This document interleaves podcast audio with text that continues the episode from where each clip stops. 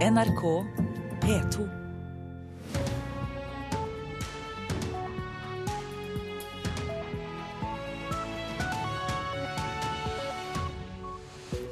Øystein Heggen ønsker deg velkommen til Nyhetsmorgen tirsdag 14. april med disse overskriftene 6.30.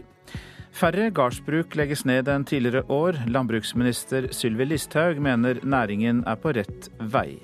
Vi så under den forrige regjeringa at pilene peka nedover. Nå har de snudd. Veldig mange piler peker oppover i landbruket. Så jeg vil si at vi er på god vei til å få norsk landbruk på rett kurs. Vi skal høre med Bondelagets leder Lars Petter Bartnes om han kommer til å skryte av Frp-ministerens innsats. Over to tredeler av de som kjører i fylla er ugifte menn, viser tall fra politiet. Republikaneren Marco Rubio, sønn av cubanske innvandrere, melder seg på i kampen om å bli USAs neste president.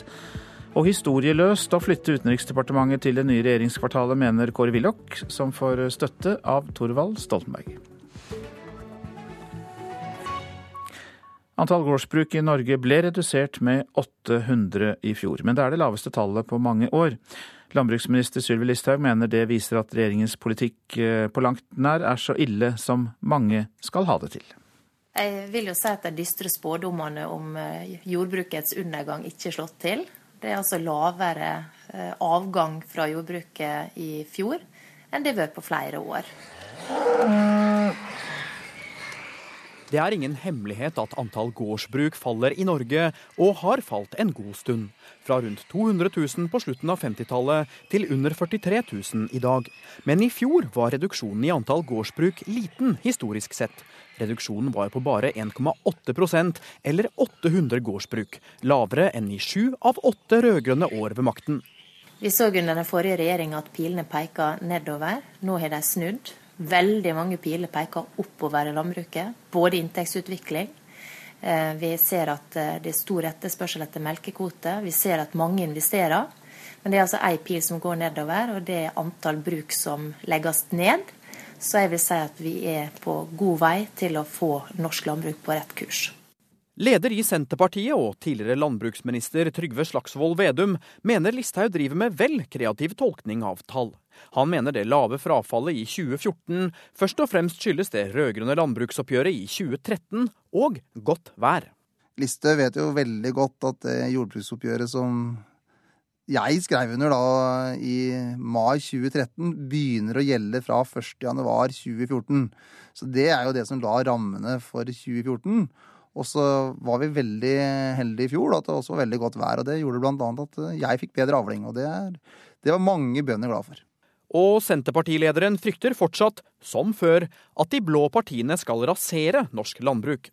Ja, selvfølgelig gjør jeg det. for det Frp har sagt om at de ønsker å måtte, dramatisk kutt i tollvernet og halvering av jordbruksstøtten, det hadde vel vært en rasering av norsk matproduksjon. Så det er utrolig viktig at man på Stortinget nå er tydelig og sier nei til de forslagene som Listhaug kommer med, som vil bygge ned norsk matproduksjon. For vi, vi ønsker jo å ha en levende land og matproduksjon i hele landet, og da må man bruke virkemidler som at man får det til. Og Listhaug ønsker det motsatte, men vi har klart å stoppe henne i stor grad til nå. Jeg registrerer i hvert fall at etter åtte års rød-grønt styre så peker pilene nedover. Nå er det snudd. Det er jeg veldig glad for, for vi trenger det hvis vi skal få ungdommen til å engasjere seg og ønske å overta gårdsbruk i Norge. Reporter her, det var Halvard Norum. Og da ønsker vi leder i Norges Bondelag, Lars Petter Bartnes, velkommen. Takk for det. Mange bønder har jo vært kritiske til FrPs landbrukspolitikk. Fryktet at den ville føre til færre bønder. Tok dere feil? Det er, gjenstår å se hvordan utviklinga blir. Det trend, trenden som vi ser her for øyeblikket, er jo en del av en lengre utvikling, som starta med en landbruksmelding vedtatt i Stortinget i 2012, der at beskjeden til bøndene var å produsere mer mat enn voksende befolkning.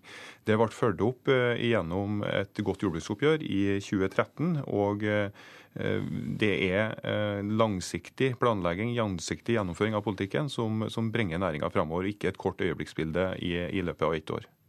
Så det er resultater av det som har skjedd over tid. Men likevel så sier jo Listhaug her at inntektsutviklingen peker oppover.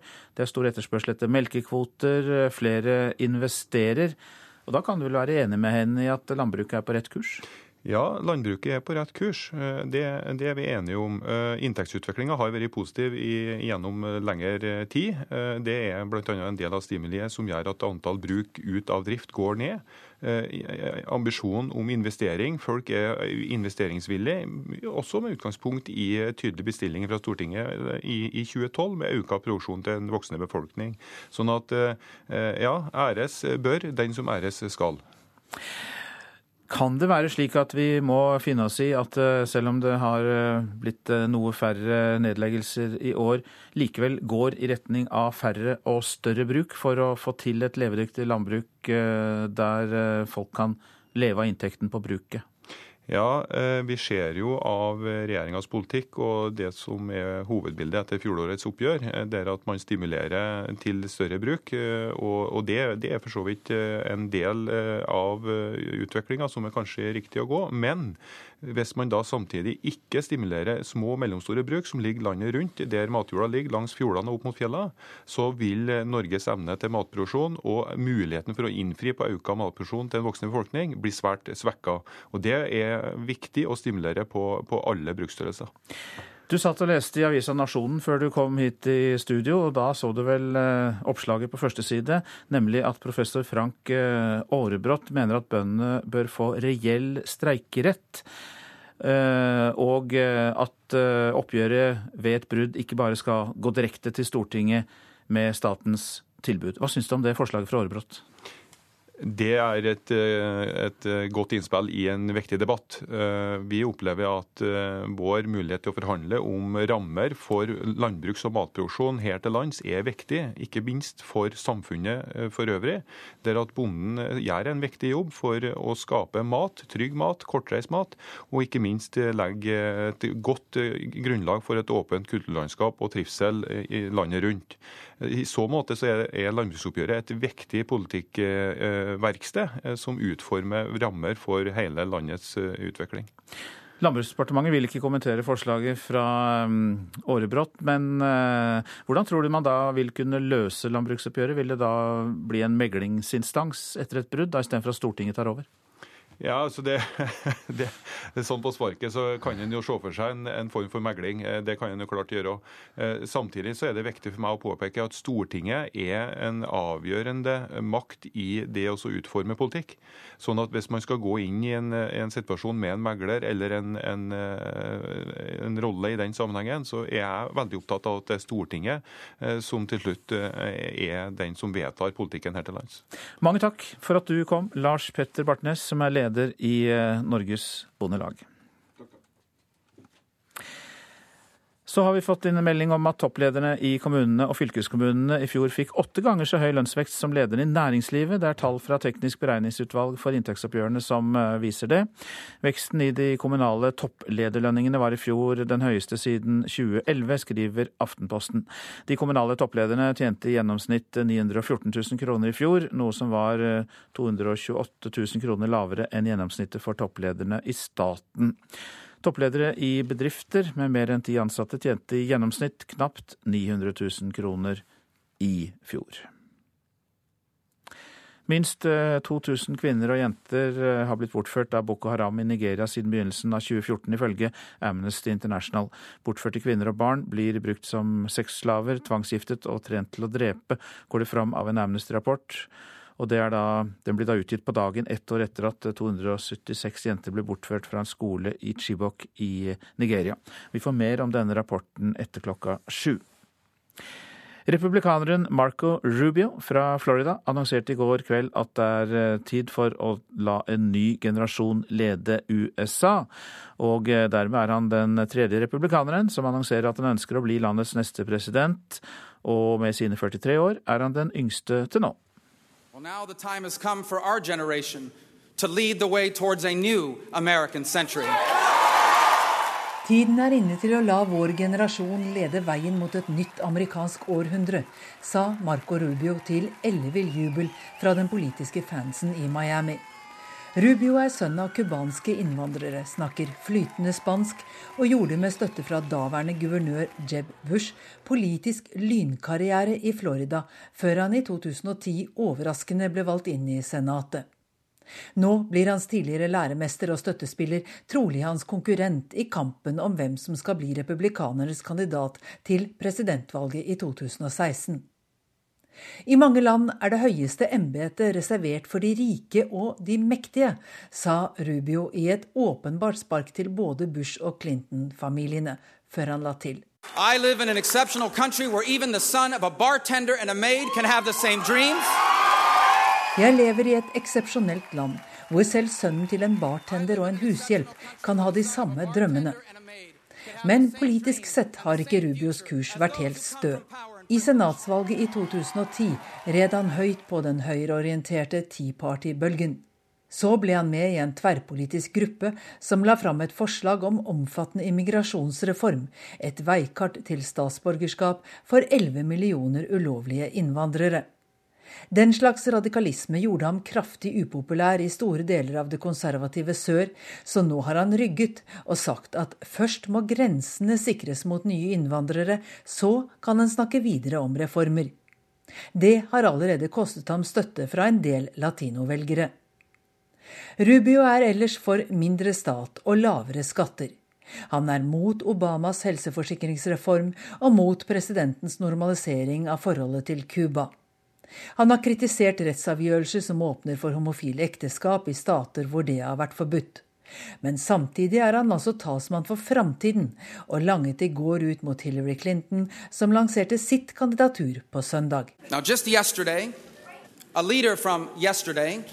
en leder fra i går som lover å ta oss tilbake til i går, sa Rubio om Hillary uten å nevne hennes navn. Men hadde det vært valg mellom de to i dag, ville hun ha vunnet. Groholm, Washington. Så til eh, avisene her hjemme. I 364 dager var togene forsinket på Oslo sentralstasjon i fjor, skriver VG, som har gransket jernbanens drift. Hver dag er det over 40 000 passasjerer som rammes av forsinkelser, og det er feil på bane, signalanlegg og strømledninger som er de hyppigste årsakene. Eksperter advarer sterkt mot reality-TV, kan vi lese i Dagbladet. Det er en mental risikosport, sier en av dem om eh, å få hjelp til å løse private problemer på TV-en. En unødvendig virksomhet som, ikke trenger, som vi ikke trenger, det sier psykiater Willy Tore Mørk. Gåten Clinton er oppslaget i Dagsavisen. Hun vil bli USAs neste president, men hva Hillary Clinton egentlig vil med USA, er en gåte, skriver avisa. Slik vil rivalene fjerne smilet, skriver Aftenposten om eh, Hillary Clinton. Republikanerne vil hevde at hun hever seg over folket, at mange ikke stoler på henne, og at hun mangler et klart eh, politisk eh, budskap.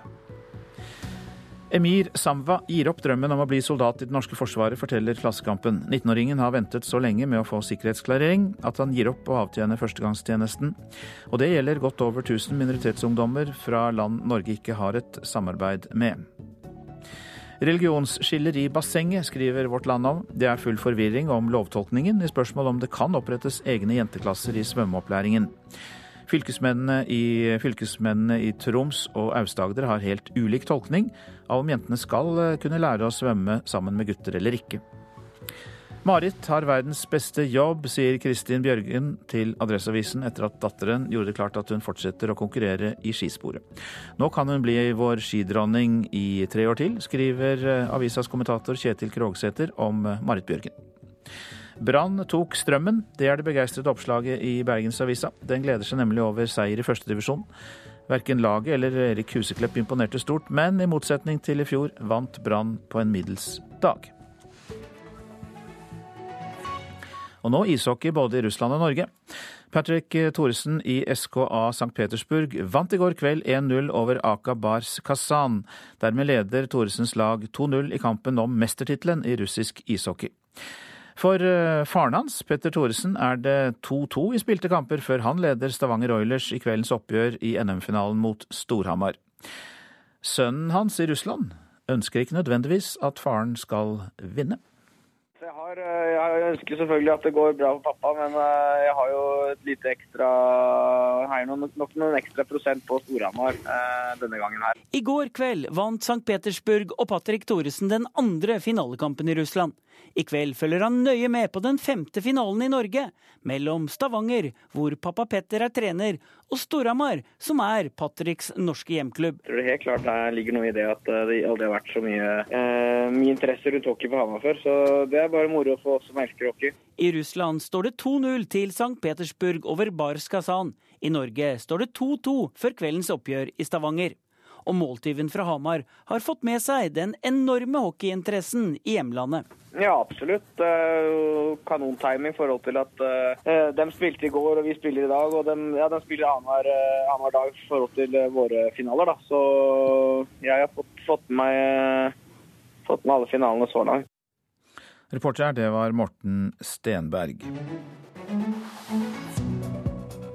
Færre gardsbruk legges ned enn tidligere år. Landbruksminister Sylvi Listhaug mener næringen er på rett vei. Det er en av hovedsakene i Nyhetsmorgen i dag når klokka er 6.45. At færre bruk legges ned er resultatet av en langsiktig politikk, sa Bondelagets leder Lars Petter Bartnes her i Nyhetsmorgen. Republikaneren Marco Rubio, sønn av cubanske innvandrere, melder seg på i kampen om å bli USAs neste president. Og vi skal høre at eh, over to tredjedeler av de som kjører i fylla er ugifte menn. Det er tall fra politiet som eh, viser eh, det. Og det er statistikk fra Hedmark og Oppland som blir brukt for å vise dette med fyllekjøring, som vi nevnte. Der ble 233 personer dømt for fyllekjøring i fjor, og 28 år gamle Jon er en del av denne statistikken med ugifte menn som blir dømt for å ha kjørt med promille. Etter å ha blitt dømt for fyllekjøring to ganger, er trøkken på lageret det eneste Jon får lov å kjøre nå. Jon er 28 år, ugift og bosatt sør i Hedmark. Han innrømmer å ha kjørt bil med promille mange ganger.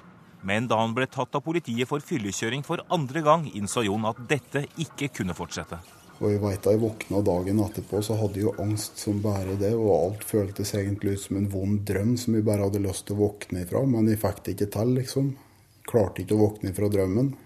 Så jeg måtte bare innse at det var realitet. 233 personer ble domfelt for kjøring i ruspåvirket tilstand i Hedmark og Oppland i fjor. NRK har sett nærmere på disse sakene og funnet ut følgende. 85% av de domfelte er menn. 63% av de domfelte er ugifte. 39% av de domfelte var under 30 år da de ble tatt av politiet. Hvis det går an å si det litt flåsete, er du den typiske fyllekjøreren? Jeg er vel kanskje det, da. Har vært i hvert fall. At ugifte unge menn er overrepresentert i ruskjøringsstatistikken gjelder nok hele landet, sier overlege Knut Hjelmeland ved Folkehelseinstituttet. Det kan stemme ganske bra. Politiet stopper og mistenker ca. 10 000 bilførere hvert år. I denne gruppa så er det da en klar overvekt av menn. Vi, sist gang vi så på det her, så var det vel rundt 88% menn. Og de fleste er mellom 20 og 40 år. Steinar Mælum, kommunikasjonsrådgiver ved Vest-Oppland politidistrikt, er heller ikke overrasket over tallene. Sånn er det. Eh, når det gjelder det med ugifte, så, eh, så har jeg eh, ikke vært borti den problemstillinga før. Men det er klart det kan jo tenkes at jo mer forpliktelser du har rundt deg, jo mer forsiktig er du med hva, hva du utsetter deg for, sånn i, i forhold til å kunne miste førerkortet, kanskje. Jon har ikke drukket alkohol på åtte måneder, og ser heller ingen grunn til å gjøre det noe mer. Han har lært. Ja, jeg føler at jeg har fått opp øynene litt sjøl, egentlig. Og jeg har tenkt mye på det flere ganger nå da jeg har vært edru og klar i huet også. Så har jeg egentlig nesten blitt litt redd av å sitte og tenke på at eh, tenk om jeg hadde kjørt i hjel noen. Jeg har egentlig hatt forferdelig flaks at det har gått så bra som det har gjort, egentlig. Denne reportasjen var laget av eh, Ola Bjørlo Strande. Kasserte fritidsbåter er en stor miljøtrussel. Norge har ikke noen god gjenvinningsordning for slike båter, og bare 20 av båteierne tar seg bryet med å gjenvinne båtene sine. Mengden tonnasjen som vil kasseres, vil kanskje seksdobles i løpet av få år. For nå begynner de større båtene å bli klare for utrangering. Det sier daglig leder i Mepex, Frode Syversen. Firmaet har laget rapporten på vegne av Miljødirektoratet etter at Miljøverndepartementet ba dem om å utrede en produsentansvarsordning for kasserte fritidsbåter. Rapporten viser at det sårt trengs en gjenvinningsordning for slike båter. Konklusjonen er at vi finner veldig mye miljøgifter i kasserte fritidsbåter, som absolutt kan representere stor risiko både ved forbrenning og ved lagring og dumping i havet. Miljøgiftene i båter lekker ut i naturen. På Valle båthavn i Tønsberg er sjøsettinga i full gang. Daglig leder Marine Aspeland viser oss en av havnas forlatte båter. Den båten ble tatt opp en travel eh, sommer for eh, tre år siden, er vel det nå?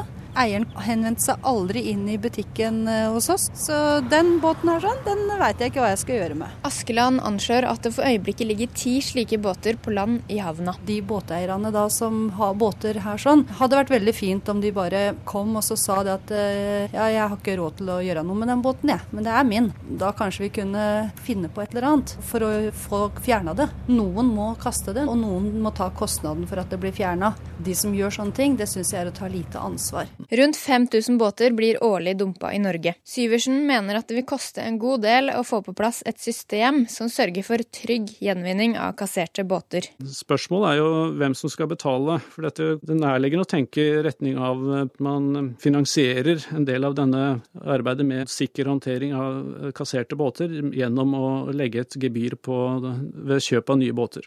Også Askeland mener at det bør komme et gebyr i nybåtprisen som sørger for trygg gjenvinning. Tilfeldige vi har snakka med i Tønsberg foreslår noen andre mulige løsninger på problemet. Jeg vil anbefale at eh, kommunen tar et tak i det og rydder opp og legger ut de bruktbåtene for salg. Så vil man, eh, blir man kvitt problemet, og så får man kanskje noe penger til ungdomsarbeid eller eh, kulturarbeid. En pant på det, kanskje? Det tror jeg kan være en grei løsning. Jeg mener at vi kan faktisk bare gi det bort til folk som trenger det. Det syns jeg er en bra løsning. Hvis det er folk som vil ha båter, så får vi bare ta dem. Ifølge miljøminister Tine Sundtoft så kommer Miljødirektoratet snart med en anbefaling om en såkalt produsentansvarsordning for kasserte båter. Reportere var Mathilde Thorsø og Katrine Krømke. Det er helt feil å samle alle departementene i det nye regjeringskvartalet, mener Kåre Willoch. Den gamle høyrekjempen reagerer spesielt på planene om å flytte Utenriksdepartementet fra den adressen det har nå i Victoria terrasse, som det har hatt siden 1905. Jeg syns det er et eh, brudd med historien. Jeg syns man forsømmer en mulighet til å bevare viktige bånd til Norges historie. Det er jo et monumentalbygg. Det er ikke mange nok monumentalbygg egentlig i Norge. Det er et bindeledd til historien som man bør ta vare på. I går fikk vi se forslagene til hvordan et nytt regjeringskvartal kan se ut. Og reaksjonene lot ikke vente på seg. Her ved byantikvar Janne Wilberg. Dette er eh, arkitektonisk overdose. Så kanskje man skulle tillate seg, og i hvert fall vurdere, om det er nødvendig å ha alle plassert på, på samme stedet. Jeg syns de er for tette, og jeg syns det er synd å se at man ustoppelig eller noen i hvert fall ustoppelig vil ha dette i høyden. Jeg har lyst til å minne om at uh, i Washington DC, hovedstaden i USA, som vel har flest skyskrapere i verden, der vil man slett ikke ha høyhus. Kåre Willoch får støtte fra en annen kjempe i utenrikspolitikken, Torvald Stoltenberg fra Arbeiderpartiet. Så jeg uttrykker meg ikke akkurat slik som Willoch, men i sak er jeg helt enig. Når folk kommer til det norske utenriksdepartement, så kommer det til også en del av det vi har å vise frem i Norge. Sånn har det de fleste land jeg kjenner til, og som det er naturlig å sammenligne oss med, som det heter. Stockholm er et gammelt palass. I Danmark er det disse lagrene ved havnen som er modernisert og omgjort til nydelige lokaler for Utenriksdepartementet. Jevnt over så er vi vant med at man prøver å bruke Utenriksdepartementet i tillegg som arbeidsplass, også som utstillingslokale. Han har vært både statsminister og utenriksminister, men Kjell Magne Bondevik fra Kristelig Folkeparti støtter regjeringens planer om å samle alle departementene på ett sted, også Utenriksdepartementet. Jo, selv om bygningen på Victoria terrasse har historisk betydning, så er jeg åpen for at det nå er best å flytte departementet inn i et nytt samla regjeringskvartal. Det er en fordel for medlemmene av regjeringen å sitte nær hverandre. Det har jeg sjøl erfaring for. Det sa altså Kjell Magne Bondevik til reporter Tone Staude. Regjeringen vil samle departementene for å gjøre samhandlingen og sikkerheten bedre. Det sier kommunal- og moderniseringsminister Jan Tore Sanner. Kunstneren Peder Balkes bilder har gjort stor suksess i National Gallery i London. Da bildene søndag ble tatt ned fra veggen i det velrenommerte museet, hadde nærmere 250 000 besøkende fått med seg Balkes storslåtte nordnorske landskap. Nå må et samlet Kunst-Norge utnytte dette, og sørge for å gjøre flere norske kunstnere kjent der ute, mener direktøren ved Nordnorsk kunstmuseum. Det er helt fantastisk at eh, et så stort publikum eh, har fått sjansen til å bli kjent med Peder Balkes kunst på National Gallery i London. Alt dette gjør jo at Balke nå er blitt etablert som et navn i verdenskunstens historie. Og det var jo noe av målet med dette. Det sier Knut Gjøgodt, direktør ved Nordnorsk kunstmuseum i Tromsø, som var de som sendte Balke ut i verden. Nær 250 000 publikummere har vært innom den delen av National Gallery hvor Peder Balke sin kunst har hengt siden november. Huge success, huge success. We're, we're uh, thrilled. We're only sorry to see it go. Sier museumets kurator Chris Riopel.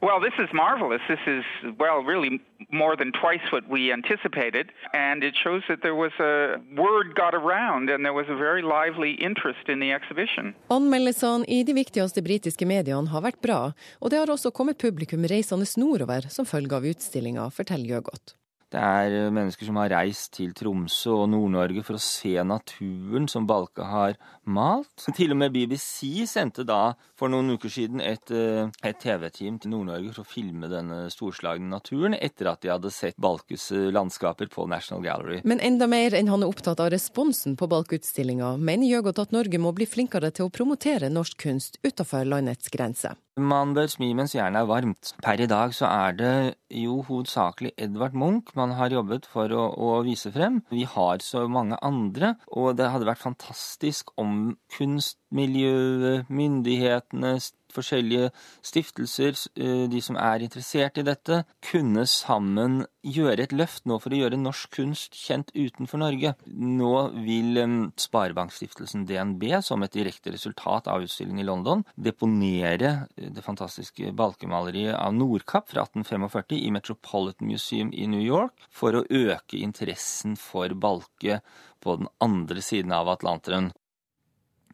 Reporter her var Hege Irén Hansen. Værvarselet nå fram til midnatt. Fjellet i Sør-Norge snø. Fra ettermiddag vestlig stiv kuling utsatte steder og snøbyger. Det blir regn under ca. 1000 meter i områdene sør for Finse. Mest nedbør kommer det i vestlige områder. Østlandet og Telemark ser vi samlet, og på kysten blir det periodevis liten kuling. I ettermiddag dreiende vestlig. Litt snø eller sludd, regn nær kysten, seinere regn under ca. 500 meter. Utover ettermiddagen oppholdsvær og en del sol i vestlige områder. Agder får regn, snø over ca. 400 meter. Utover dagen overgang til regnbyger, og snøgrensa går oppover til 1000 meter. Mest nedbør kommer det i vestlige områder. Rogaland får regn og snø over ca. 1000 meter. Fra ettermiddag periode med regn og snø over ca. 800 meter i Rogaland. Hordaland og Sogn og Fjordane stiv kuling ved Stad. Regn, snø over ca. 800 meter. Fra ettermiddag regnbyger og snøbyger som kommer over ca. 600 meter. Møre og Romsdal sørlig stiv kuling utsatte steder og regn. Snø over ca. 300 meter. I formiddag øking til sørvest sterk kuling på kysten. Fra ettermiddag stiv kuling. Overgang til regnbyger og snøbyger over ca. 500 meter. Vi går til Trøndelag. Øking til sørøstlig stiv kuling utsatte steder. Etter hvert regn, først i sør. Snø over ca. 200 meter i Trøndelag. Fra ettermiddag sørvest stiv og til dels sterk kuling på kysten, og overgang til regnbyger. Nordland til dels pent vær. Fra ettermiddag sørøstlig liten kuling utsatte steder. Det blir regn på Helgeland, seinere også i Salten, og snø eller sludd i Innlandet. Troms litt snø i grensetraktene, ellers stort sett pent vær. Utpå ettermiddagen sørøstlig liten kuling utsatte steder i Troms. Finnmark litt snø på vidda, ellers stort sett opphold. Fra utpå ettermiddagen sørøst liten kuling utsatte steder i vest. Og Nordensjøland på Spitsbergen enkelte snøbyger, seinere oppholdsvær. Og Så tar vi med oss temperaturer målt klokka fem i natt. Svalbard lufthavn null, Kirkenes to, Vardø fire, Alta tre, Tromsø null, Bodø to. Brønnøysund 1 grad, Trondheim-Værnes minus 1, Molde 0, Bergen 2. Stavanger og Kristiansand 4 grader, Gardermoen og Lillehammer minus 3, Røros er nede i minus 10, Oslo-Blindern 0 grader.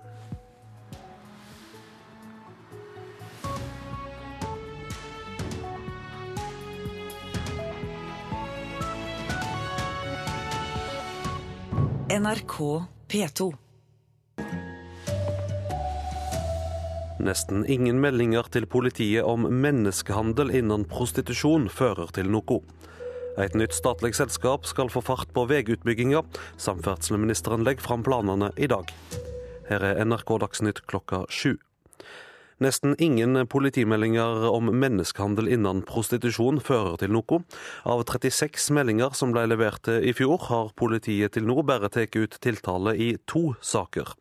Politikerne har lova vern til de som tør å vitne mot bakmennene sine, men når sakene blir lagd bort, mister ofra retten til opphold. Leder for Rosa-prosjektet, Mildred Mikkelsen, tykker derfor det er vanskelig å be kvinnene melde fra. Jeg opplever det som en av de store etiske problemstillingene i eh, jobben min. Skal jeg virkelig eh, hjelpe kvinner med å anmelde? Eh, når jeg vet at sjansen for at hun når fram med den anmeldelsen er så lite, og at hun rett og slett kan ende opp i en verre situasjon ved å anmelde, sånn som i dag. fordi at hvis du anmelder og det ikke fører fram, så har du stukket hodet ut. Oslo-politiet mottar de fleste av anmeldelsene for menneskehandel innen prostitusjon, og henlegger også flest. Etterforskningsleder Harald Bøhler sier sakene er vanskelige å etterforske. Reporter Mari Algot Lie, og det blir mer om saka på Brennpunkt på NRK1 i kveld. I dag lanserer samferdselsminister Ketil Solvik-Olsen et nytt statlig veiselskap for å få fart på veiutbygginga.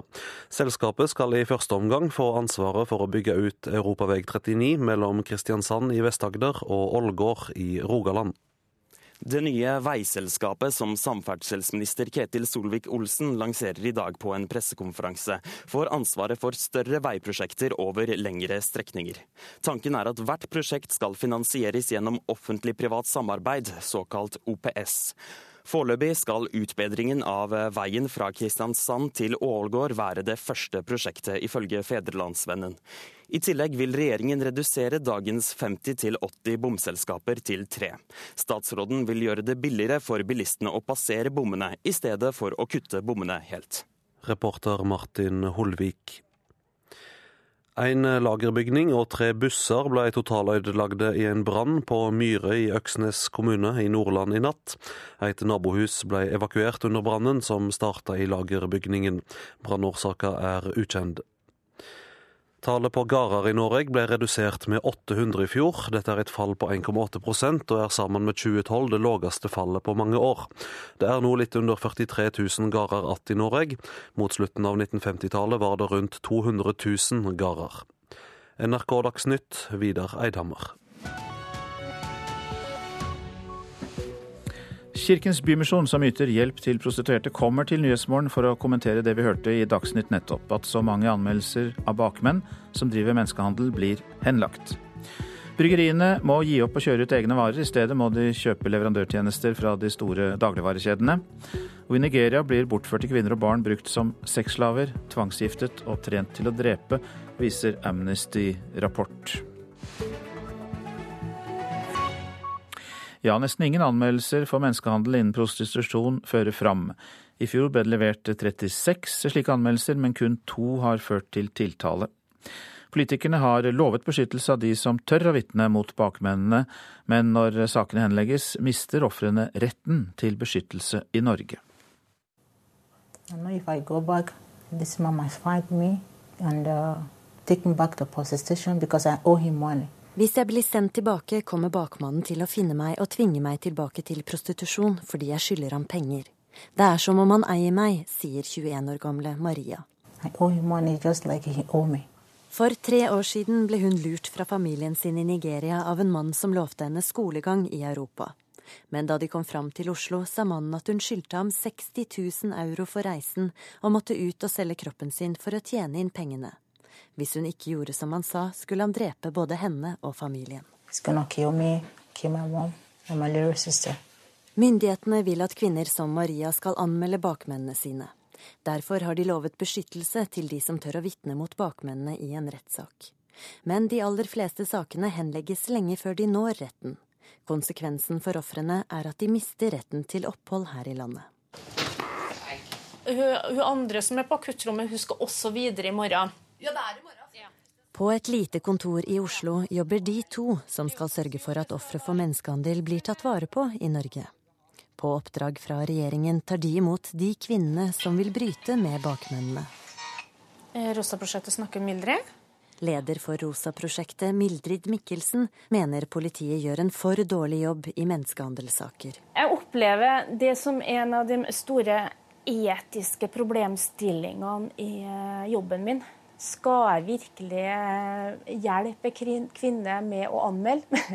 Eh, når jeg vet at sjansen for at hun når fram med den anmeldelsen er så lite, og at hun rett og slett kan ende opp i en verre situasjon ved å anmelde, sånn som i dag. fordi at hvis du anmelder og det ikke fører fram, eh, så har du stukket hodet ut. Oslo-politiet mottar de fleste av anmeldelsene for menneskehandel innen prostitusjon, og henlegger også flest. Etterforskningsleder Harald Bøhler sier sakene er vanskelige å etterforske. Dette med at eh, vitner og impliserte, altså andre og sikta, ikke har tilhold i Norge. At de impliserte ikke bruker reelle navn, men går under kallenavn. At eh, alle boliger er midlertidige boliger, enten om det er hoteller eller om det er leide leiligheter. Marias anmeldelse ble også henlagt, og hun har fått beskjed om at hun må tilbake til Nigeria. Der frykter hun at bakmannen venter på henne. Det blir eh, mer om dette i programmet Brennpunkt på NRK1 i kveld. Reporter her eh, Mari Algot Lie. Men vi fortsetter også med flere kommentarer her i Nyhetsmorgen. Olav Legdne, god morgen. God morgen. Du er leder for Nadheim, Kirkens Bymisjons senter for kvinner og menn med prostitusjonserfaring. Og hvordan reagerer du på det du hørte her? Eh, det er eh, veldig nedslående at så mange saker blir henlagt. Eh, det får alvorlige konsekvenser for ofrene. Én side er jo at alvorlig kriminalitet ikke blir etterforska og ikke oppklart. Men like viktig er det jo at det sendes ut et signal til ofre for menneskehandel at det har ingen hensikt å anmelde. Ehm, en kommer ofte tilbake til en verre situasjon eh, ved å ta imot og eh, bli identifisert som offer for menneskehandel og ta imot eh, bistand. Den er midlertidig, og en situasjon kan ofte bli forverret istedenfor forbedret etter å ha tatt imot denne midlertidige hjelpen. Hvorfor tror du at så mange saker henlegges? Nei, dette er sammensatt. Sakene er vanskelig å etterforske, det er det ingen tvil om.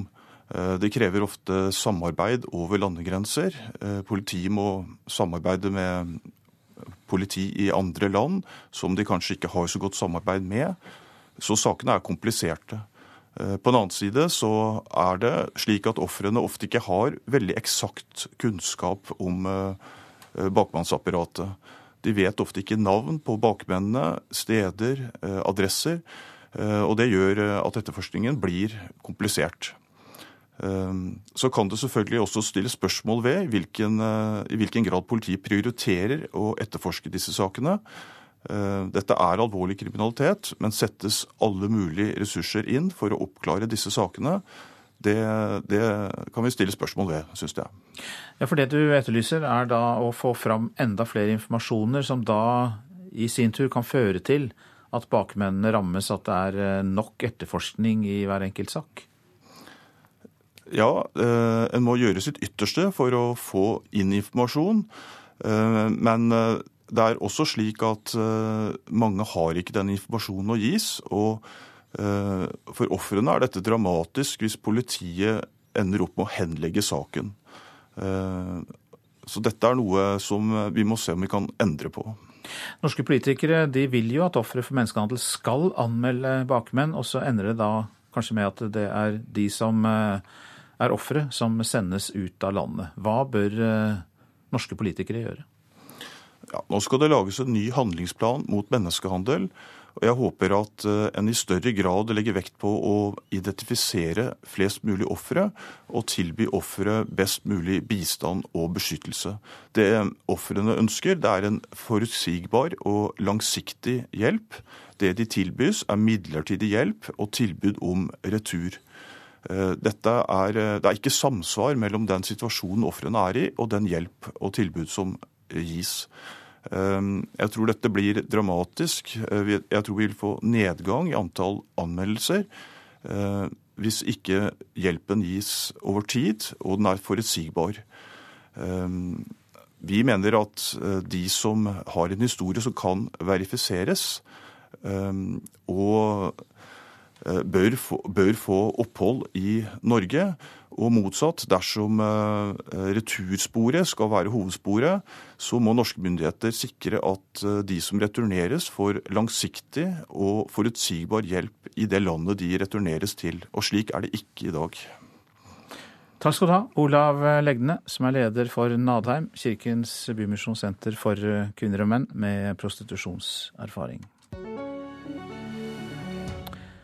Dagligvarekjempene øker kontrollen i matmarkedet. De store bryggeriene tvinges til å oppgi egen utkjøring av varer.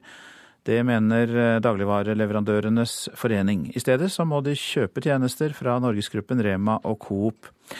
Dette skjer etter flere år med press fra Norgesgruppen, sier konserntillitsvalgt i Ringnes, Jostein Aukland. Ja, sånn som vi oppfatter det, så, så er dette her eh, en, eh, et press, og et eh, press som er rimelig heftig. Sjåfører som henter varer hos Ringnes på Gjelleråsen er ansatt i bryggeriet, enn så lenge. For på et allmøte i februar kom beskjeden. Ringnes går inn i forhandlinger med Norgesgruppen om distribusjon av varer. Forhandlinger om eh, leveranser blir vanskeligere eh, hvis en ikke stiller seg positiv f.eks. til å gi fra seg distribusjon. Rema, Norgesgruppen og Coop eier alle dagligvarebutikkene, med få unntak. Snart har de kontroll over det meste av distribusjonen også, dersom Hansa Borg og Ringnes gir etter for presset. Det er ikke noe noe krav eller press om å nødvendigvis velge vår løsning. Men vi mener jo at vi har gode argumenter og god dokumentasjon på at vår distribusjonsløsning er leverandøren tjent med. Sier Per Roskifte, kommunikasjonsdirektør i Norgesgruppen. Det er effektivitet vi forsøker å bidra til. Det er helt riktig at vi ønsker å distribuere øl og mineralvann, men det er ikke noe press ute og, og går. Eh, dette er en, helt klart en overgang som veldig mange leverandører har valgt gjennom mange år, å velge vår distribusjonsløsning. Men Leverandørforeningen de er blant dem som sier at det har vært umulig for veldig mange leverandører i lang tid å få inngått avtaler om å komme inn i hyllene dersom de ikke inngår avtaler om distribusjon. Lyver Leverandørforeningen? Da? Vi kjenner oss ikke igjen i den versjonen. Så enkelt er det ikke. Norgesgruppen har jo vært veldig tydelig på at uh, salg gjennom deres butikker uh, skal foregå ved hjelp av uh, Askos distribusjonsapparat. Sier direktør Helge Hasselgaard i Dagligvareleverandørenes forening. Nå er vi kommet dit at konkurransen er i ferd med å bli borte, og da bør alle varsellamper blinke. I Hansa Borg kommer en styrebeslutning allerede denne uken, etter det NRK erfarer. Bryggeriet ser seg nødt til å gå med på Norgesgruppens krav, og det betyr slutten for egen utkjøring. På sikt så vil dårligere konkurranse føre til dårligere utvalg og høyere priser. Leder i Norsk nærings- og nytelsesmiddelarbeiderforbund, Jan Egil Pedersen, tror ingen forbrukere eller leverandører er tjent med at de tre store øker sin dominans i matmarkedet med å ta 100% kontroll over distribusjonen, slik det er fare for nå. Da har de full kontroll på hele kjeden. Eh, vi går bare og håper på at eh, både landbruksministeren og næringsministeren eh, vil ta tak i det nå og komme med tiltak. Og ikke minst etterlyser jeg den loven av god handelsskikk, og at vi kan få på plass også noe rundt distribusjon. At dette ikke blir brukt i forbindelse med forhandlinger om eh, tilgang på butikkene. Og eh, reporter her, det var eh, Line Tomter. Klokka den passerte nettopp 7.14. Dette er hovedsaker i dag. Nesten alle saker der prostituerte anmelder bakmenn for menneskehandel, blir eh, henlagt. Bryggeriene må altså gi opp å kjøre ut egne varer. I stedet må de kjøpe leverandørtjenester fra de store dagligvarekjedene, som vi hørte nettopp. Og I dag lanserer samferdselsminister Ketil Solvik-Olsen et nytt statlig veiselskap for å få fart på veiutbyggingen. Første prosjekt blir europavei på Europavei 39. I Nigeria blir bortførte kvinner og barn brukt som sexslaver, tvangsgiftet og trent til å drepe. En ny rapport fra Amnesty viser at minst 2000 kvinner og barn er bortført av Boko Haram det siste året. Rapporten eh, den blir eh, sluppet på ettårsdagen for bortføringen av skolejentene i byen Chibok. What are we asking for? The truth, nothing but the truth. What do we want? Alt vi ber om er sannheten. Vi vil ha jentene tilbake i live. Det krever aktivistene i Bring Back Our Girls, som møtes hver eneste dag i Nigerias hovedstad Abuja. Ett år, 365 dager, har gått siden skolejentene i Chibok ble brutalt bortført av Boko Haram. Fortsatt vet vi lite om hvor de er, eller hva som har skjedd med dem. Men i går kveld meldte BBC at øyevitner skal ha sett noen av jentene i byen Gwosa for tre uker siden. De skal ha fortalt at de var fra Chibok og ble holdt fanget i et hus. Byen Gwosa ble nylig gjenerobret av myndighetene, uten at det har ført oss nærmere sannheten. Det er mange Chibok-jenter i Nigeria.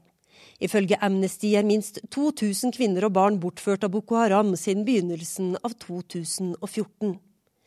En av dem er 19 år gamle Aisha, som ble kidnappet av de militante islamistene under et bryllup i september i fjor. Jeg var blant jentene som ble trent til å skyte. Jeg ble også lært opp til å håndtere bomber og hvordan angripe en landsby, forteller 19-åringen til Amnesty. Aisha forteller at hun ble voldtatt de tre månedene hun var i fangenskap, noen ganger av opptil seks terrorister om gangen. Hun var også vitne til at søsteren ble drept, sammen med flere titalls andre. Dagens rapport fra Amnesty dokumenterer også overgrep som er begått i de områdene Boko Haram kontrollerer. En ti år gammel gutt forteller at han ble tvunget til å steine mennesker til døde. Amnesty nøler ikke med å kalle overgrepene krigsforbrytelser og forbrytelser mot menneskeheten. What are we demanding? Bring back our girls now and alive! Bortføringen av skolejentene fra Chibok vekket verden. Kjendiser er fotografert med plakaten 'Bring back our girls', uten at det har hjulpet. Da NRK var i Nigeria for et par uker siden, møtte vi tre jenter fra Chibok som klarte å flykte fra Boko Haram. Tre jenter i florelett sommerkjole, jeans og rosa T-skjorte. Tre jenter som unnslapp marerittet men som hver dag ber for sine bortførte medsøstre. I pray about it for the rest of the girls that are still with the Boko Harams, that one day they will be set free. Den reportasjen var laget av Afrikakorrespondent Kristine Presttun, som eh, har vært i Nigeria, og hun har også lest rapporten fra Amnesty. Gerald Folkvår, velkommen til deg. Du er politisk rådgiver i Amnesty International, og eh, hva tenkte du da du leste denne rapporten? Det som eh, slår en eh, når man leser Amnestys rapport, er denne spesielle brutaliteten som Boko Haram bruker i sin fremgangsmåte. Um, Amnesty eh, produserer jo mange rapporter om eh, overgrep, om vilkårlige drap, om tortur og systematiske voldtekter, som jo fortsatt dessverre skjer rundt omkring i verden. Men det som er litt spesielt her, er den utspekulertheten. Her er det tydelig at denne gruppen er først og fremst ute etter å rett og slett spre så mye frykt at ingen våger å stå opp mot dem. Så det har en hensikt å eh, utøve så mye vold, mye mer vold enn mye vi ser andre steder? Ja, altså Det er jo en, en blanding. Eh, mye av det er helt utspekulert og, og, veldig tydelig planlagt. Eh, ikke minst også den eh, omfattende seksuelle volden. Og det vet vi også fra andre konflikter, at man bruker voldtekt som våpen. Eh, men så er det også denne merkelige dynamikken som ofte oppstår i sånne grupper, særlig de som er tvangsrekrutterte. En gang de begynner å drepe folk, så må de hele tiden bekrefte for seg selv at de gjør det riktige, og brutaliteten etter hvert tar mer og mer av. Hun er Aisha, som vi hørte i, uh, intervjuet tidligere, hun fortalte også at noen av de som voldtok henne om og om igjen, var gutter fra hennes egen landsby, og det var de som var mest brutale. Folk over hele verden har jo engasjert seg for å få tilbake skolejentene som ble bortført for ett år siden f.eks. Men vi har vel ikke sett noen virkninger av det? Det er fortsatt eh, de aller fleste som er borte? Det er riktig, de aller fleste er borte. Vi vet ikke hva som har skjedd med de. Men den mest effektive virkningen av det store internasjonale engasjementet har jo vært at nigerianske myndigheter har vært nødt til å forholde seg til denne situasjonen på en helt annen måte. Menneskene i Nordøst-Nigeria som er utsatt for Boko Harams herjinger, de har jo sett lite av staten. Rapporten forteller oss om historier om folk som går til militæret og ber dem om hjelp. De har hørt at Boko Haram skal angripe dem, og militæret sender dem hjem. Eller sier til og med at her på barakkene våre kan dere ikke være, ellers angriper de oss også. Forteller om militæret kommandanter som ber om hjelp. De sier vi vet at de kommer, og som ikke får hjelp. Fordi det tross alt er et hjørne av Nigeria som er ikke så viktig for myndighetene. Det er det fattigste eh, området av Nigeria. Og det som har skjedd det siste året, er at den dynamikken har, har forandret seg. Nå har vi en koalisjon av flere land, eh, Nigeria sammen med nabolandene, som slåss mot Boko Haram, som har tatt tilbake flere byer som Boko Haram har erobret, og som er sterkere til stede og passer bedre på, på befolkningen. Det, har ikke, det skjedde ikke før 2014. Takk for at du orienterte oss, Gerald Folkvår, som også er politisk rådgiver i eh, Amnesty International. Nå til Storbritannia. Der er det dødt løp mellom de to store partiene før parlamentsvalget om drøyt tre uker. De veksler på om å lede knapt på meningsmålingene. Den siste målingen eh, viser en ledelse på ett prosentpoeng til Labour. Ingen av de to partiene ligger an til å få flertall alene. Ladies and gentlemen, please welcome the leader of the Labour Party and the next Prime Minister, Ed Miliband. Det er tiden for de politiske valgmanifester. For de store ord. I går var det Ed Miliband som presenterte Labours tanker om fremtiden. My vow to you, the British people. Everything in this manifesto is funded. The deficit will be cut every year. The books will be balanced and the national debt will be falling. Labour skal holde orden på økonomien. Det var ett av løftene fra Ed Miliband da partiet hans la frem valgmanifestet sitt i går. Begge de to store partiene i britisk politikk får i overkant av 30% oppslutning, og de skifter på ledelsen i meningsmålingene. Neither the Conservative nor Labour Party are are pulling ahead of uh, the other parties, and it's not looking like there's going to be a huge amount of change. And certainly, we haven't seen any indication of that over the last few months. De to store partiene ligger likt, og det ser ut til at det vil fortsette slik, sier Lawrence Janta Lipinski, fra meningsmålingsselskapet Hugo. Det britiske valgsystemet favoriserer de to store partiene. Storbritannia er delt opp i valgkretser, der vinneren tar alt. Det vil ganske enkelt si at kandidaten som får flest stemmer, vinner, og alle andre får ingenting. Selv om de har nesten like mange stemmer som vinneren. Men dette til tross, det dreier seg ikke lenger bare om de to store i britisk politikk. Allerede i dag har Storbritannia noe så uvanlig for dem som en koalisjonsregjering, der de konservative samarbeider med det liberaldemokratiske partiet. I den store valgdebatten på TV tidligere denne måneden var det sju deltakere. Valgekspertene ser helt nye tendenser. You could end up having the smaller parties having a much bigger say than they normally would, where neither of the two main parties, Labour or the Conservatives, look de mindre partiene kan få langt større innflytelse enn det de hittil har hatt, når ingen av de to store partiene ser ut til å få rent flertall. Dermed blir man nødt til å samarbeide, store og små, sier Lawrence Jantalipinski fra Jugov. Utenriksmedarbeider Anette Groth rapporterte der. Avisene nå. Professor Frank Aarbrot foreslår at bøndene bør få streikerett og en uavhengig megler. Det kan vi lese i Nasjonen. Han mener det er et demokratisk problem at det er statens tilbud som går rett til Stortinget dersom det blir brudd i jordbruksforhandlingene.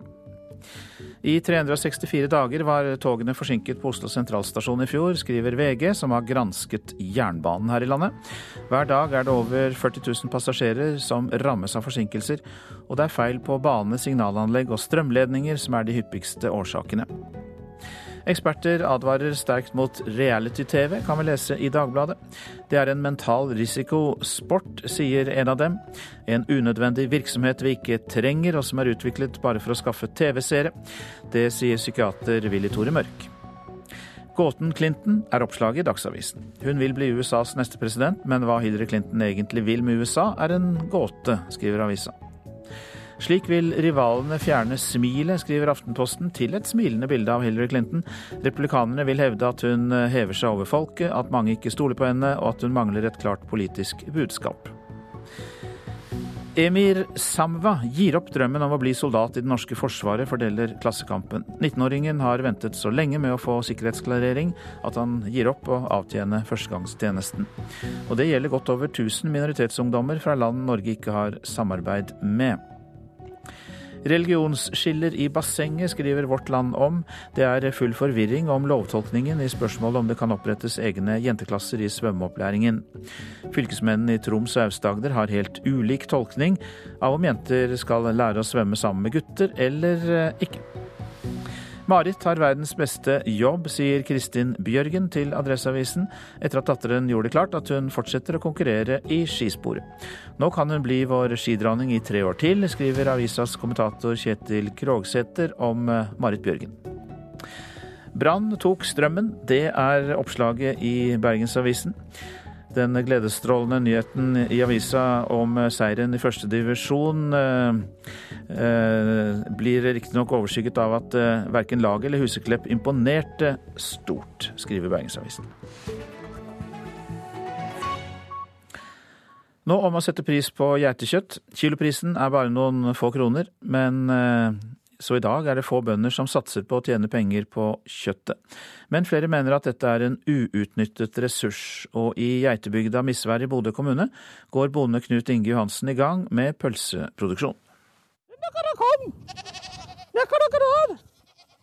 Geitebonde Knut Inge Johansen i Misvær i Nordland har en plan. Har dere det bra? Det må jo være å få de beste spekepølsene i området. Du tar geit. Det finnes jo mye god spekepølse, men ikke ut av geit. På kjøkkenet ligger resultatet av lang tids prøveproduksjon. Planen om å lage en egen lokal geitepølse er snart en realitet. Med støtte fra Innovasjon Norge vil han tjene penger på et kjøtt som til nå er lite verdsatt. Jeg syns det er ganske trasig. Jeg syns det er rett og rimelig at geita kommer ut til folket, og at folk setter pris på kjøttet. For geitebonden er det melka han i dag tjener penger på. Kjøttet betales ned i noen få kroner kiloen. Ifølge tall fra avisa Nasjonen avlives og kastes rundt 50 000 killinger hvert eneste år. De er ikke verdt noen ting. Geita har vært sett på som eh, ja, eh, mat som kanskje ikke har vært tiltalende nok til folk. Johansen bor i Misvær, ei bygd med lange tradisjoner for geitedrift. I dag er det seks geitebønder igjen. I tillegg til nå å gå i gang med geitepølseproduksjon, har han også begynt å føde opp flere killinger enn før. I fjøset til Johansen er det flere geitekillinger, men de fleste bønder har ikke mulighet til å føde nok i et marked som ikke verdsetter kjøttet. Vi er seks bønder her, og alle har nok den samme følelsen at eh, det er flott når geiten begynner å kie og du kommer i gang. Eh, og så gruer du deg til det går noen dager og fjøsen fylles opp, og, og, du må begynne å ta de bort. Det, da gir man de bort til andre stort sett som kommer og gjør det, for at eh, ja, det er ikke, det er ikke enkelt. Du, du, du, skal ta vare på liv. Det er det du, du driver med. og så Alt annet tar du vare på, og så plutselig så får du ki som, som du skal slå i hjel. Det, det er trasig. Til sommeren skal de første spekepølsene av geit ut i markedet. Jeg vil jo påstå og si at jeg har fått det til. Pølsa er rett konsistens, den er god på smak. Det tok eh, tolv uker å lage sånn som vi ble opplært på. Og eh, ja, jeg er fornøyd med produktet. Reporter var Kari Skeie. Du lytter til Nyhetsmorgen. Silje Katrine Bjarkøy er produsent i dag. Her i studio Øystein Heggen. Det er tørke i California, til amerikanernes forskrekkelse. De må kutte vannforbruket med 25 i reportasjen etter Dagsnytt får du vite hvorfor California tørster etter vann.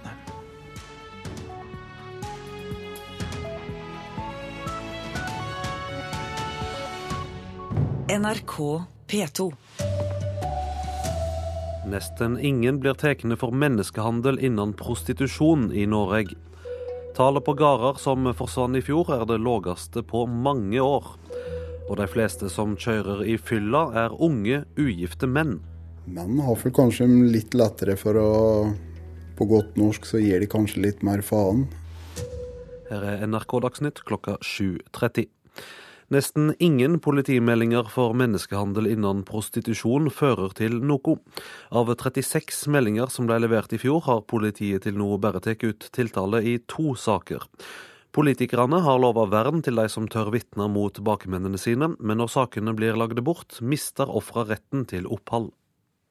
I know if I go back, this man might find me and uh, take me back to police station because I owe him money. Hvis jeg blir sendt tilbake, kommer bakmannen til å finne meg og tvinge meg tilbake til prostitusjon fordi jeg skylder ham penger. Det er som om han eier meg, sier 21 år gamle Maria. Like Et offer for menneskehandel som ble lurt fra Nigeria til Norge av en mann som tvang henne til å selge sex. Myndighetene vil at kvinner som Maria skal anmelde bakmennene sine. Derfor har de lovet beskyttelse til de som tør å vitne mot bakmennene i en rettssak. Men de aller fleste sakene henlegges lenge før de når retten. Konsekvensen for ofrene er at de mister retten til opphold her i landet. Og det vil si at Du tar hele risikoen selv. Du anmelder da bakmannsapparatet. Politiet setter ikke i gang etterforskning. Oppholdstillatelsen går da ut, og du må tilbake til de personene eh, som du har anmeldt. Sier Olav Legdene i Kirkens Bymisjon. Oslo-politiet mottar de fleste av anmeldelsene for menneskehandel innen prostitusjon, og henlegger også flest. Etterforskningsleder Harald Bøhler sier sakene er vanskelige å etterforske. Dette med at eh, vitner og impliserte, altså andre og sikta, ikke har tilhold i Norge.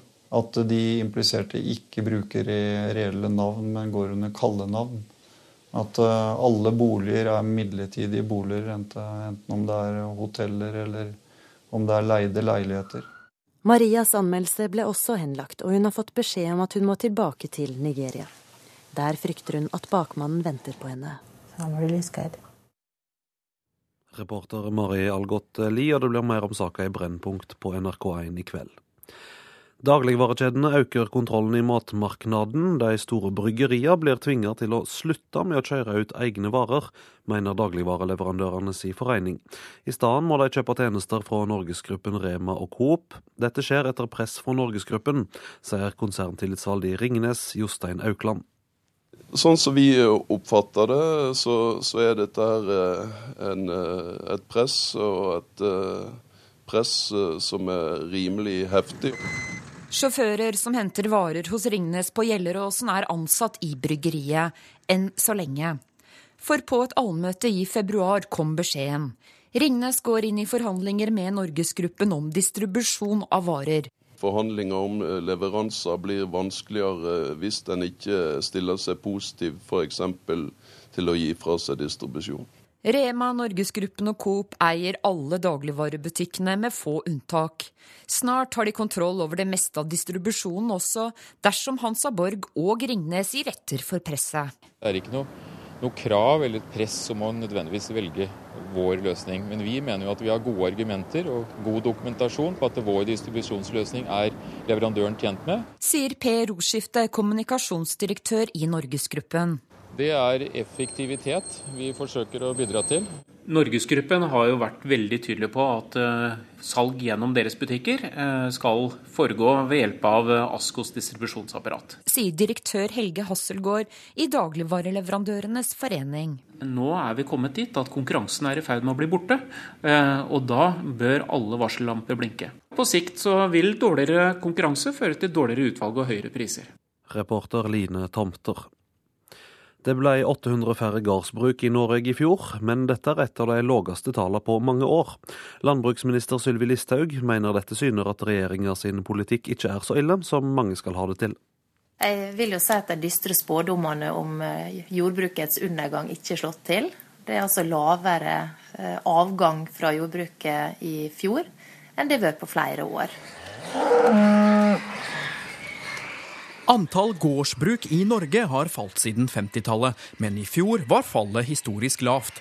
Kun 800 færre gårdsbruk ble det i fjor, et fall på 1,8% Det viktigste er at vi legger til rette for bønder som ønsker å satse, produsere mat. Det gjør denne regjeringa gjennom å forenkle og gi muligheter til å utvikle gården sine ressurser. Vi bruker å si at vi vil ha mer mat og mindre stat, og det tror jeg også mange bønder er enig i at det er veien å gå. Leder i Senterpartiet og tidligere landbruksminister Trygve Slagsvold Vedum mener på sin side Listhaug driver litt vel kreativ tolkning av tall. Listhaug vet jo veldig godt at det jordbruksoppgjøret som jeg skrev under da i mai 2013, begynner å gjelde fra 1.1.2014. Så det er jo det som la rammene for 2014. Og så var vi veldig heldige i fjor da, at det også var veldig godt vær. og Det gjorde bl.a. at jeg fikk bedre avling. og det, er, det var mange bønder glad for. Reporter Halvard Norum. I dag lanserer samferdselsminister Ketil Solvik-Olsen et nytt statlig veiselskap for å få fart på veiutbygginga. Selskapet får ansvaret for større veiprosjekt. I første omgang skal selskapet ha ansvaret for E39 mellom Kristiansand i Vest-Agder og Ålgård i Rogaland.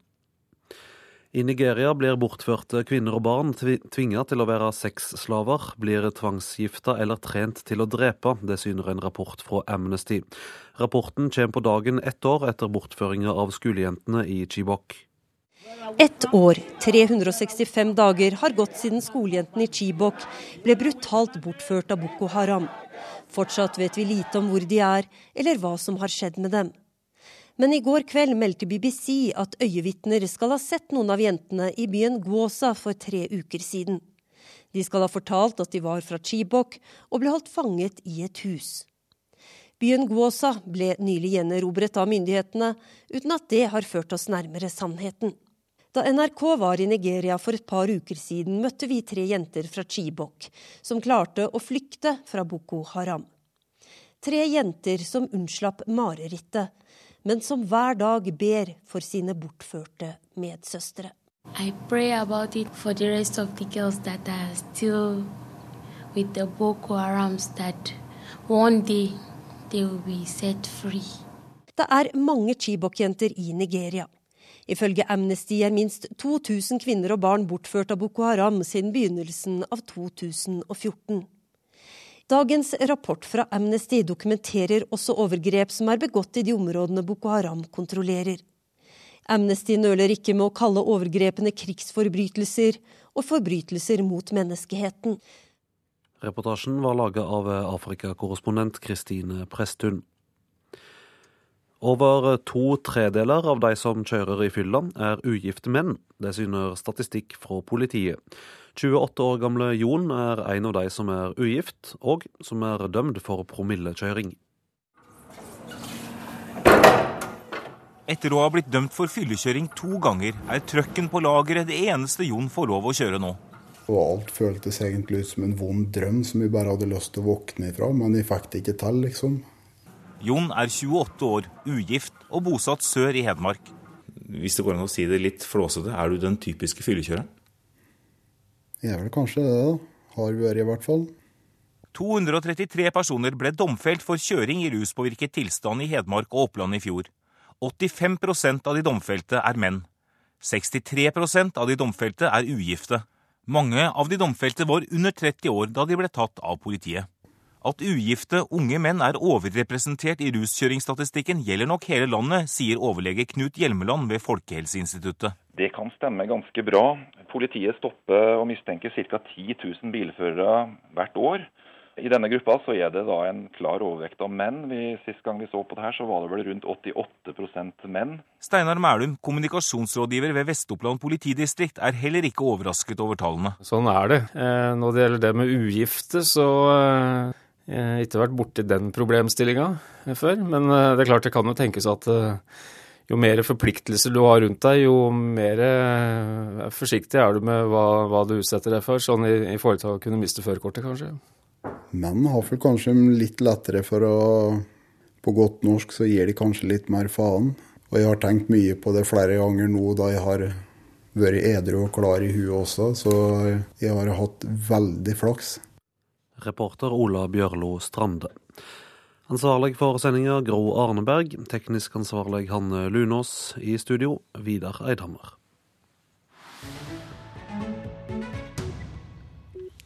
Du lytter til eh, Nyhetsmorgen. Det er tørke i California, til amerikanernes store forskrekkelse. Vanlige forbrukere må kutte vannforbruket med 25 mens det er unntak for bøndene. Dramatiske ørkenbilder fra California er lagt ut på sosiale medier. Men hva er årsaken? Det har utenriksmedarbeider Joar Hoel Larsen sett nærmere på. Seems it never rains in southern California er selve solskinnsstaten evig sommer, strender og palmer, grønne plener og behagelig klima året rundt. Men det er bare halve sannheten, for Mojave-ørkenen i den sørøstlige delen av staten er 125 000 kvadratkilometer stor, altså litt mindre enn Norge sør for Dovre. Og i Mojave finner vi det varmeste og noen vil si det verste stedet i USA, dalen med det lite forlokkende navnet Death Valley. Så California er ingen grønn lunge fra naturens side, men demninger og kunstig vanning har i stor grad skapt et bilde av det grønne California. Guvernør Jerry Brown sier at det er en utfordring, for i 10 000 år bodde det svært få mennesker i den delen av verden. Nå bor det 38 millioner i delstaten. We all face a challenge because California for 10,000 years had only 300,000 or so residents. When you up that number to 38 million and you increase the uh, amenities and the consumption, uh, you get a problem when you're in the middle of a desert. De to dalsøkkene mellom kystfjellene og Sierra Nevada er blant de mest fruktbare i verden. Sacramento Valley og San Joaquin Valley produserer enorme mengder frukt og grønnsaker. Men vann har ofte vært et problem. For når snøfallet svikter, da kommer vanskelighetene. Hvert år måler det californiske vannverket snømengden i fjellene for å beregne vanningsmulighetene. I år sto de for første gang, bokstavelig talt, på bar bakke der det normalt sett skulle vært halvannen meter snø, forteller vannressurssjefen i California, Frank Gerke. And this is the first year in uh, measurements going back to 1942 where this snow course has been bare, no snow at all. På lengre sikt skal kranene, om ikke skrus igjen, så skal de iallfall få mindre trykk, og vannet skal flyte langsommere. Vannmengden som kommer når man drar i snora, skal bli mindre. Flushingen i pissoarer skal reduseres. Oppvaskmaskiner og vaskemaskiner ligger tynt an. Gresset i parker og offentlige grøntarealer vil tørke og kan bli både gult og brunt. Utfordringen, sier Noah Diffenbaugh, som er klimaprofessor på Stanford, er at man kan ikke foreta seg noe med utgangspunkt verken i fortid eller nåtid. Man må planlegge for en annerledes fremtid med global oppvarming. If we make decisions that are based on the historical climate, we will not be planning for the, the climate that California has now. We will not be planning for the climate that California will have in the future. Meldingene fra California er dystre. Innsjøer er blitt til fastland, elveleier er tørre, det har snødd for lite og regnet uteblir. Jorder ligger brakk, og det er ikke vann til kunstig irrigasjon. California plages av skogbranner, de må ha vann til å slukke. Da hjelper det lite at den californiske stillehavskysten er lengre enn avstanden Lindesnes-Nordkapp. Snarere tvert imot. California frykter at havet skal stige og true installasjoner og investeringer i sjøkanten. Dette er Nyhetsmorgen, og dette er hovedsakene. Nesten ingen blir dømt for menneskehandel innen prostitusjon i Norge. Av 36 anmeldelser ble det bare tatt ut tiltale i to saker i fjor. Antall gårdsbruk som ble lagt ned i fjor, var det laveste på mange år. De fleste som kjører fylla er unge, ugifte menn, viser statistikk fra politiet. Og I dag lanserer samferdselsministeren et nytt statlig veiselskap for å få fart på veiutbyggingen. Første prosjekt blir på E39 i Vest-Agder og Rogaland. Og så minner vi om nettstedet radio.nrk.no, der du kan lytte til alle NRKs radiokanaler og laste ned tidligere sendte programmer. Nå til Politisk kvarter. Der er Astrid Randen programleder.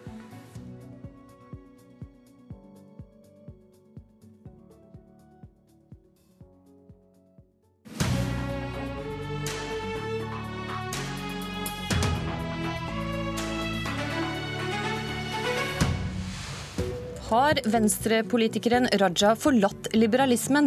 Nå vil han tvinge barna i barnehage, men møter motbør fra KrF.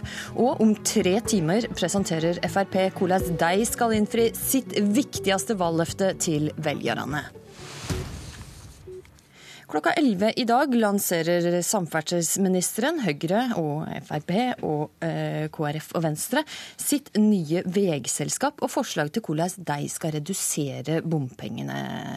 Og kommentator her i NRK, Lars Nehru Sand, hva er det viktigste nye grepet som samferdselsministeren gjør i dag? Dette nye selskapet skal få ansvar for å drive veiplanlegging mer helhetlig enn i dag, og er også svaret på hvordan den borgerlige regjeringen ser for seg dette offentlig-private samarbeidet om veibygging som de har snakket om i mange valgkamper. Eh, de håper å kunne prosjektere både enkelte veiprosjekt, som f.eks. en enkelt bro på en strekning, men også lengre strekninger, som da f.eks. denne E39-strekningen mellom Kristiansand og Stavanger. Mm. Det, det, har tidligere vært lekka at Solvik-Olsen vil kutte tallet på bompengeselskap kraftig. Etter det vi erfarer, skal det bare være tre statlige bompengeselskap igjen. Gjør han andre store grep for å kutte i bompengesatsen? Ja, disse selskapene er jo eh, private selskaper som da skal drive bompengeprosjektene i, i de eh, respektive delene av landet. Eh, ved å redusere antallet selskap fra dagens rundt opp, til, opp mot 80 til eh, da 3, så håper han at det i seg selv vil gi mindre administrative kostnader. Eh, staten vil stille opp med penger for rentekompensasjon, slik at det blir mindre driftsutgifter for eh, bompengeselskapene. Og så må statsråden da også sannsynliggjøre at dette bidrar til eh, enten lavere sats når vi kjører i bommen, eller at man får mer rabatt for å bruke brikke. Begge de to tingene vil jo komme bilistene til gode fra dag én. Eller at eh, veiprosjektene blir tidligere ferdige, og at bommen kan rives raskere. Mm. Bompengekutt har jo vært et av Frp sine aller viktigste valgløfter. Hvor viktig er denne reformen for partiet? Selv om det fortsatt vil være bomstasjoner på norske veier med Frp i regjering, så er dette det viktigste enkeltprosjektet til velgerne før valget fra Frp. Med elendige meningsmålinger så er dette også veldig viktig for eh, både regjeringen som helhet, men selvfølgelig aller mest for Frp. Dette har et tydelig Frp-stempel i hvordan man gjør dette, selv om alle fire partier på borgerlig side står sammen om det. Takk, Lars Nehru Sand. Pressekonferansen der alle detaljer blir strima på NRK klokka 11. Venstrepolitikeren Abid Raja har snudd. I helga under Venstre sitt landsmøte sto han fram i VG som tilhenger av obligatorisk barnehage for alle femåringer. Og Raja, hva vil du oppnå med å tvinge barn i barnehage? Jeg vil bare først korrigere. altså Jeg har ikke snudd. Jeg skrev faktisk om dette allerede i 2008 i min første bok 'Talsmann', at jeg var tilhenger av, eller helte i retning av obligatorisk barnehage, fordi de, med de gode fordelene det har. Jeg tror alle eh, som har barn i barnehagen, eller har hatt barn i barnehagen, vet hvilke fordeler, enorme fordeler det har for de barna som går der. Språkutvikling, sosial læring, den kulturelle kompetansen de får med seg som en eh, viktig, eh, viktige verdier og, og viktig kunnskap kunnskaper inn i skolen. Og Jeg ønsker å gi dette til eh, veldig mange flere. Vi vet i dag at det er en del forskjeller på de som eh, bruker barnehage og ikke bruker barnehage. Heldigvis er andelen veldig høy av de som bruker barnehage. Så er det en del klasseskiller. Det er veldig mange med, eller flere med eh, lavere inntekt som faller utenfor.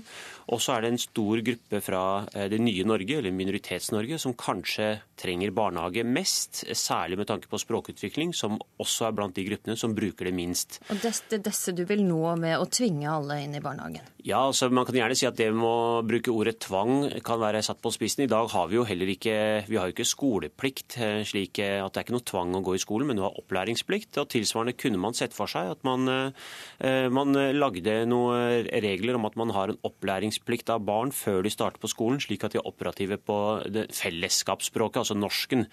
Og I dag tester vi jo de i, på helsestasjonene, og her kunne man lagt inn mye mer, mye mer innsats for å forsikre oss om at barn som starter på norsk skole første skoledag, kan fellesskapsspråket. eller så vil de ikke evne å følge med på undervisningen. Og Da faller de også ut, og da øker forskjellene i skolen. Olaug Bollestad, påtroppende nestleder i KrF. Du er skeptisk til å tvinge barn i barnehagen. Hvorfor? Eh, først har jeg lyst til å si at 96,5% av alle 3-5-åringene går allerede i barnehage. Og Så deler KrF bekymringen for den 3,5 som ikke går, og ikke minst de som faller utenfor. Men KrF tror at det er andre virkemiddel å gjøre enn å bryte inn i foreldrene sin styringsrett over sine unger til faktisk å nå de gruppene som Raja snakker om, det tror KrF er mulig. Å ha mye mer målretta tiltak. Eh, hva slags tiltak tenker du ja, på da? Ja, Da tenker jeg på gratis kjernetid. Utvidelse av gratis kjernetid. Bruke helsestasjonen mye bedre. Bruke åpen barnehage som en arena for at en faktisk foreldre sjøl kan se at det her kan det være uh, muligheter for at ungen min lærer bedre norsk. Men samtidig så har jeg lyst til å si at KrF er opptatt av at barnehagen er ikke en del av opplæringsløpet for skole. For det er ufattelig viktig for unger å faktisk leke seg, få lov å leke seg til ulike former for kompetanse, som blir nært og viktig når du kommer i skolen. Jeg kan ikke gjøre det i barnehagen, da? Jo, det, det, kan du gjøre i barnehagen, men det kan du òg gjøre utenom barnehage. Altså, I Finland så er det sånn at det der, Nå er ikke det et mål for KrF, bare for å si det med en gang, men i Finland så er det færre enn i Norge som går i barnehage. De har, begynner i barnehage. De begynner senere i skolen, og de har mindre skoletimer. Men de yter bedre i skolen. Sånn at det er ikke et mål i seg selv å ha flest mulig under statens ordning. Nei, utfordringen er at vi må faktisk se den enkelte unge og finne muligheten til å løse det hos dem. Ok, Andre virkemiddel enn tvang, Raja? Ja, Hvorfor ser du ikke på det?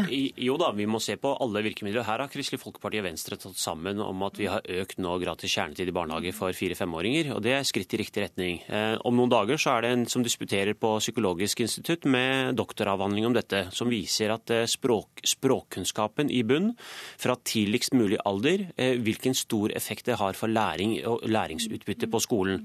Og det vi vet er at eh, ca. 20% litt over 20% av minoritetselevene, eller minoritetsbarna går ikke i barnehage. og Det er nettopp den gruppen som kan norsk minst når de starter på skolen. Og Her øker dessverre forskjellene.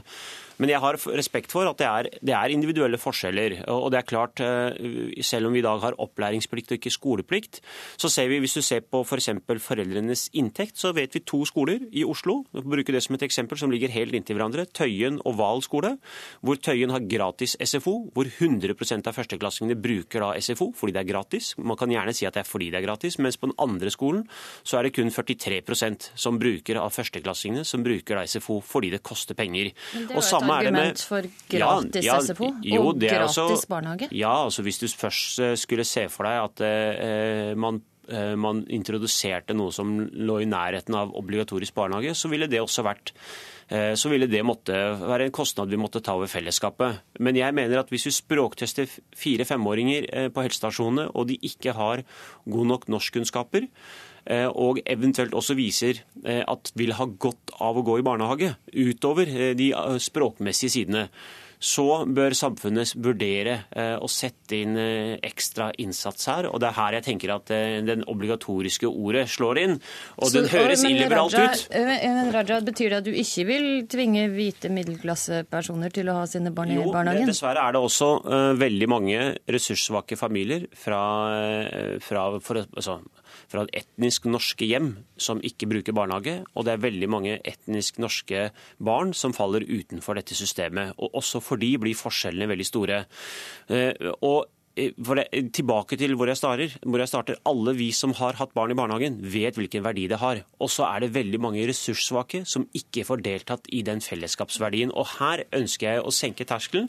Det å ha gratis kjernetid for fire-femåringer, det er skritt i riktig retning. Og så sier jeg la oss vurdere og se om vi kan ha ytterligere tiltak. Og så er dette med obligatorisk, det klinger ikke veldig godt i veldig mange Og det sier jeg også i VG. Jeg skjønner at dette her ikke klinger veldig godt. Det er satt litt på spisen, men selvfølgelig det vil hjelpe veldig mange barn. Og det tror jeg er der eh, som er kjernen i debatten. Hvordan hjelper vi de barna som faller utenfor? Er det ikke litt underlig at det er KrF som tar det liberalistiske standpunktet her, og ikke Venstre? Ja, det kan du si, at, at det er de som blir obligatoriske, og ikke oss. Eh, men for KrF sin del så, så, har jeg lyst til å understreke at det er kjempesentralt å nå disse ungene. Men vi tror at det kan vi gjøre gjennom andre tiltak. Og jeg tror òg at hvis en helsesøster Jeg har selv jobba i helsevesenet. Hvis en helsesøster oppdager at en unge er dårlig i språk, så er de plikta til å faktisk gi tiltak. Og hvis vi som politikere da kan gi gratis til de som ikke har råd, for ingen unger skal, skal la være å gå i barnehage fordi foreldrene ikke har råd. Da må jeg si takk for debatten. Olaug Vålestad, du fikk siste ord. Takk for at du kom også, Abid Raja. For nå skal vi snakke om det politiske spelet her i Politisk kvarter. I dag kommer tidligere valgkampstrateg i Arbeiderpartiet Tarjei Skirbekk ut med boka som har fått tittelen 'Hvordan vinne valg'. Og For å begynne med tittelen, Skirbekk, hva er svaret på spørsmålet du stiller? Litt sånn overordnet kan man si at det, det gjelder å finne det riktige budskapet, utvikle den gode strategien, eh, være bevisst på hvilke velgergrupper man skal nå, og ha taktikk som, eh, som følger det.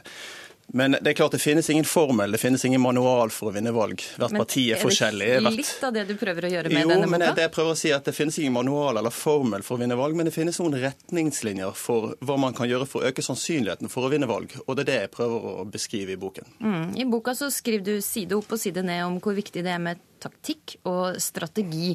Og du tegner et ikke altfor eh, imponerende bilde av norske parti. Hva er det de gjør feil? Jeg tror veldig mange partier og veldig mange politikere blir fanget litt av dette taktiske hjulet som går hele tiden. De blir preget av deg og deres, altså journalister som hele tiden skal svare på forskjellige ting, hendelser som skjer, ting de må svare på. Det gjør at de, de mister litt blikket for de lange linjene, hva de faktisk eh, skal gjøre.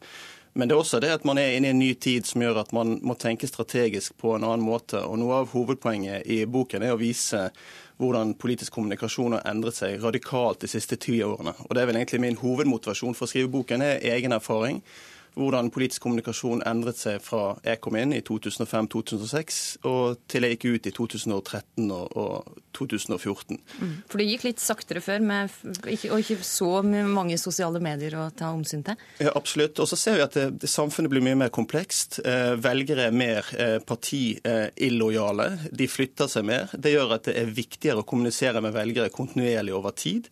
Samtidig ser vi at medielandskapet er langt mer fragmentert enn det har vært tidligere. Det gjør at det er mye vanskeligere å nå de. Så kombinasjonen av disse to tingene gjør at det er viktigere at man kommuniserer strategisk fortløpende, men også at man er på alle kanaler til enhver tid. Og det er veldig krevende. Mm -hmm. Du eh, har jo jobba som spinndoktor eh, eller partistrateg i Arbeiderpartiet i årrekke, men eh, har altså nå slutta i partiet. Likevel, når du skal trekke fram et eksempel på vellykka kommunikasjonsstrategi, så ser du til Høyre?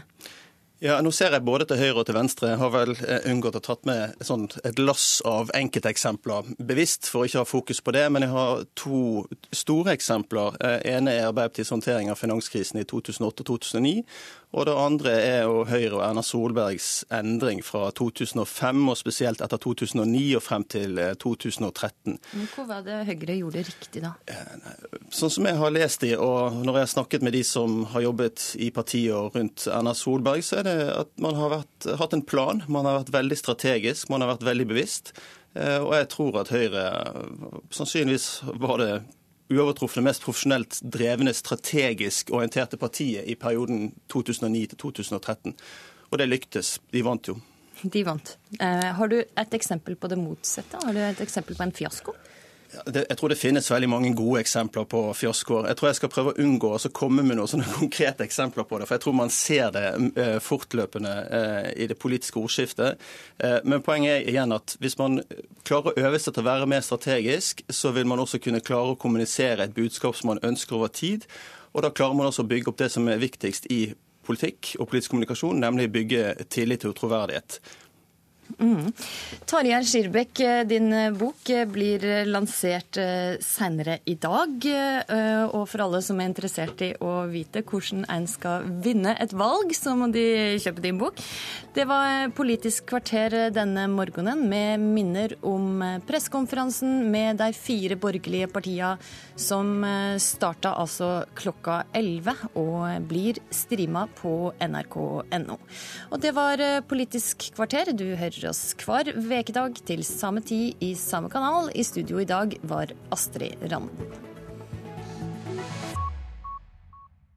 Hør flere podkaster på nrk.no podkast.